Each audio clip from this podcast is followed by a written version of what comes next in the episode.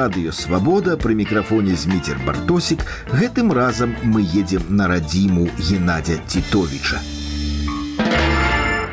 расійскамоўны гістарычна непісьменны інфармацыйна неабазнаны постсавецкі беларус на першы погляд мала чым адрозніваецца ад постсавецкага расіяніна тыя ж савецкія святы ў галаве тыя ж зоркі эстрады на якія яны гатовыя патраціць свае грошы тыя ж навагоднія стравы на стале тыя ж улюбёныя каналы ў тэлевізары але адно істотнае адрозненне ёсць беларус ведае тое чаго не ведае расіянин Я не пра беларускую мову, якой ён амаль не карыстаецца, і не пра дзень волі, за які ён не падымае тостаў, і не пра вітаўта, які для савецкага беларуса зусім невялікі. Я пра песні. Час ад часу душа савецкага беларуса патрабуе песні, прычым выключна беларускай. Упэўнены, што ўсе беларусы ведаюць хоць адну сваю песню. І калі-нікалі тая песня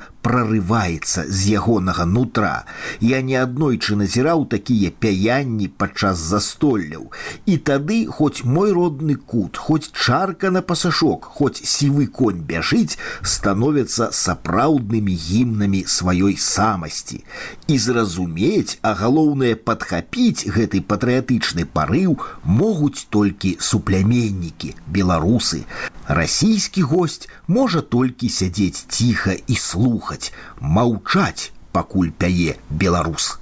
Памятаю вясёлую гісторыю, сведкам якой стаў мой варшаўскі прыяцель. На 25 сакавіка за сталом адной з кавярань сабралася палітычная тусоўка. Былі і маладыя палітэмігранты, што, як правіла, ведаюць дзясяткі праклёнаў на адрас крывавага рэжыму, але зусім не валодаюць мовай той краіны, за якую вымушаныя пакутаваць на чужыне. А на тым застоллі яшчэ прысутнічаў і сам стваральнік БНФ, з-за чаго маладыя ўцікачы пазамыкалі раты на замок, час ад часу выдаючы скрозь зубы толькі дзякуй і калі ласка.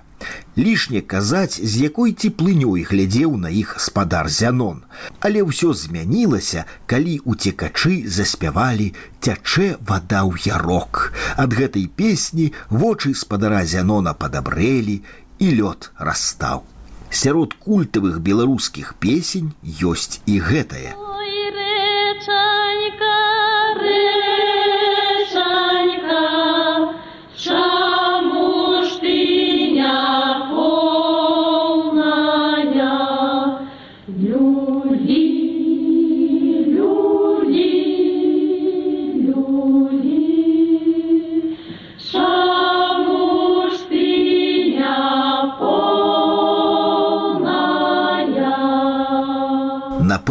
толькі касіў язь канюшыну беларусы звязваюць імем Уладзіміра Мулявіна. Астатнія народныя папулярныя песні не маюць сваіх шукальнікаў, але ж усе яны паходзяць з пэўнай мясцовасці. Іх нехта ў свой час запісаў, апрацаваў і зрабіў папулярнымі. Рэчанька сваёю папулярнасцю абавязаная Геннадзю Тітовічу, этнографу і стваральніку народнага хору Беларусі. Пра гэта я даведаўся ад чаркаўшчынскага краязнаўцы ігора Дзімідовіча, даведаўся на заснежаных ціхіх могілках каля вёскі забор'е, каля пахавальнай капліцы Фадзея Тітовіча, деда хармайстра. Это магіла пахавання деда Геннадзя Івановича Тітовіча, Фадзея Тітовіча. Як яго было па бацьку, я не дакапаўся.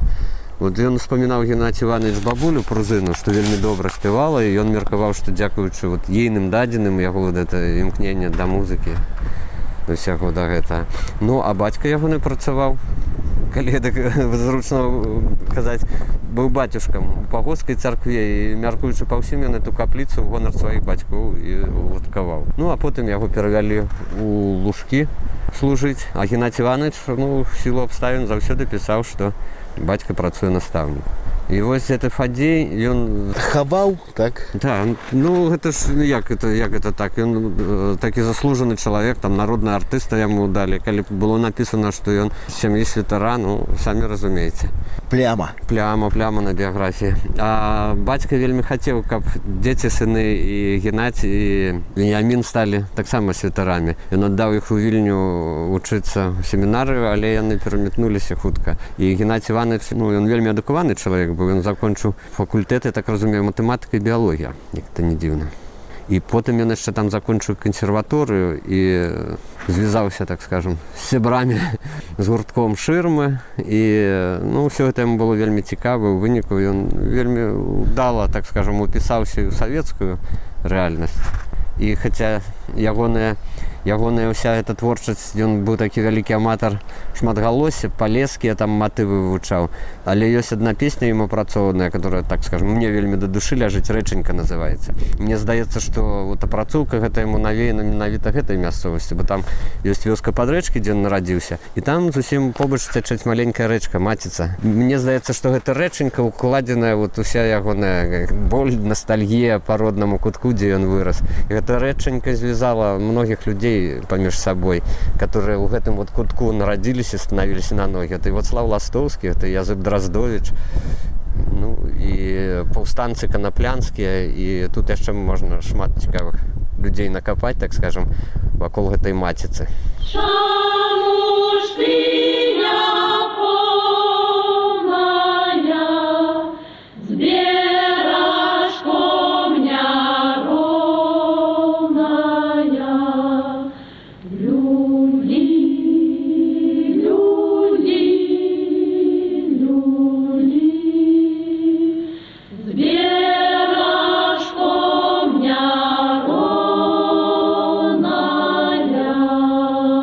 а вы атрымліваецца сваяк бацька быў пляменнікам дваюрным ён калі вучыўся студэнтам ён бываў яго ў гасцях у менску ну усе пра яго кажуць як дужа дужа такі чалавек не аторваўся так скажем ад свайго адроднага зусім просты быў хоць яму там далі 68 годзе народнага артыста і яму палагалася там волга але ён на ей практычна не ездзіў мог запросто ехаць у трамвай вязці пляменніка на каленях калі месцаў не было заўсёды казаў дарэчы гаварыце по-свойму не надо выпендрывацца тут не па-руску не па асабліва па-беларуску на трасянцы вот ён быў прыхільнік што як у дома гаворыце так і гаварыце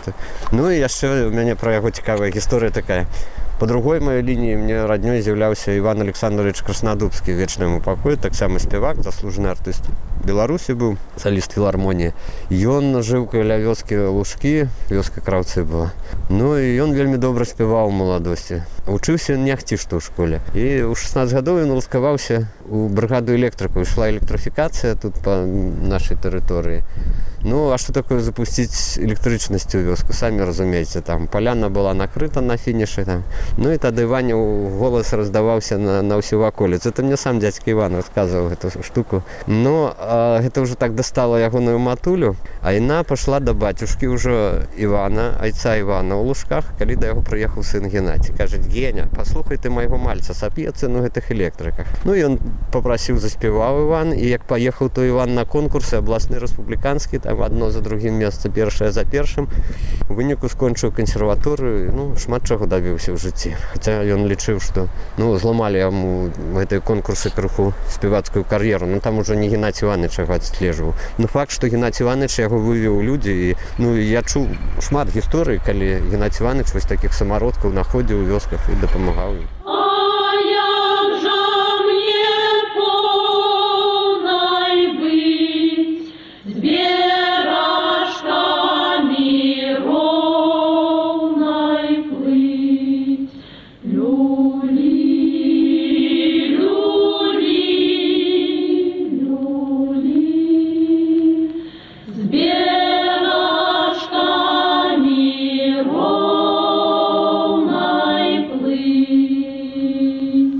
Здаецца, што на любых заходнебеларускіх могілках можна прасачыць драматычную гісторыю краіны з даваеннымі польскамоўнымі надпісамі, з савецкімі расейскамоўнымі, а ёсць і ўзоры з часоў імперій. Слухайте, а адкуль на гэтых могілках взяліся людзі з такім цікавым расійскім прозвішчам рубашка. Ну гэта цікава пачытаць вацлава ластоўскага ягоныя ўспаміны аб дзяцінстве сваім старапагоскім там быў побач хутар на якім жылі людзі па прозвішчу кашулёнак здаецца ці кашулі я дакладна зараз не скажу калі ўраднік перапісаў першы перапіс быў 1897 годзе запытаўся прозвішча не сказалі кашуля ён сказаў какая кашуля нет такого слова в рускім языке рубашка будзеце і вот з'явілася прозвішча рубашка імя тітовіча носіць не толькі народны хор але і лес на ягонай радзіме недзе пасярод этого поля размяшчалася невялічкая вёска пад рэчкі заснавальнікам якой як я цяпер разумею быў напэўна той самы фадзей цітовіч і адсюль разышліся ў свет ужо ўсе астатнія цітовічы менавіта тут малы геннадзь иванович слухаў песні сваёй бабулі брузыны которые запалі яму у душу зараз тут вёскі няма але гэта прозвішча векавечана у назве назве лесу Вось гэты лес ён як бы дзеліцца на дзве часткі туды далей той бок леса называется лес цітовіча гэта частка лес паклікаева ну это па прозвішчах уладальнікаў наогул тут калі ездзіць мясцовыя люди раскажуць тут шмат розных урочышчаў назваў усе этой назвы яны звязаны я так разумею сёння з прозвішчамі былых уладальнікаў гэтых зямель Мой спадарожнік, былы настаўнік, а сёння работнік трафянога завода, гаспадар вялікага дома, бацька чацвярых дзяцей, чалавек дарослы, цалкам дарослы. Я маю на ўвазе тое, што ён пахаваў і маці і бацьку. Але ягоныя прыватныя разважанні каля магілы сваіх бацькоў мне падаліся настолькі глыбокімі, што я не магу не падзяліцца ягонымі думкамі з вами много чытаў нешта імкнуўся усвядоміць вот этот пераход іх у той свет для мяне быў шокам это было нечакана і зноў жа тут мне пошла такая думка что веды людзей не меняюць в принципе і нават в некоторых выпадках можа гэта нават дрэнна тому что ты все равно будешь жить так як ты живешь а калі ты робіш помылки так скажем грашыш с пункту гледжання рэлігіі ну ўжо усведамляеш гэта гэта гэта напэўна яшчэ больш жорстка такія элементы тады душэўнага садызму нейкага а сколькі было вот прыедзеш да іх пабудзеш і потым жыццё як бы спачатку пачынаецца знаходзіш сілы вось для да новага дзеяння і тут жа мне прыйшла такая думка пра пра гэты ланцуг вось бабуля моя ольга викторовна вельмі разумны чалавек быў ну лёс так склаўся што са шляхецкага роду по паходжанню на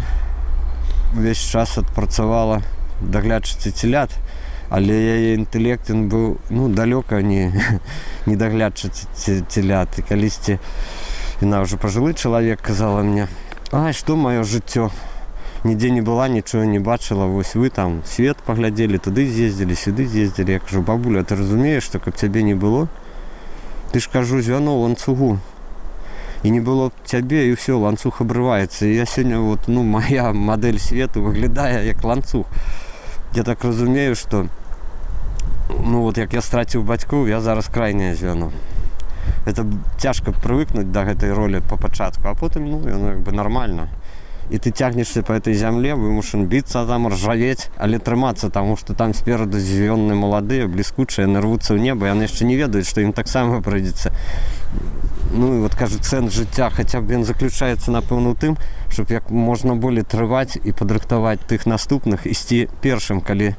калі жывыя бацькі яны цябе прыкрываюць ты разумееш што ну табе заўсёды ёсць куды прыйсці бацькі бацькі напэўна дзеці да гадоў 5 яны любяць просто так ні за што яны нічога цябе не чакаюць да іх можа заўсёды звярнуцца весь астатні свет чакае цябе нейкіх учынкаў нейкіх дзеянняў калі яны ця не дачакаюцца на адвернуцца і могуць напэўна і забыць цябе в этом плане роль бацькоў вельмі вялікая і калі ты сам становішся на гэтай над гэтым абрывам першы і ты разумееш што за табой ідуць людзі вот эта місія гэта звіна яна надае сэнс у жыцці і заўсёды тады хочацца драпацца рухацца не здавацца. У эфіры радыё свабода мы з вами наведаліся на могілкі вёскі забор'е. З вами быў зміцер бартосік да новай сустрэчы праз тыдзень.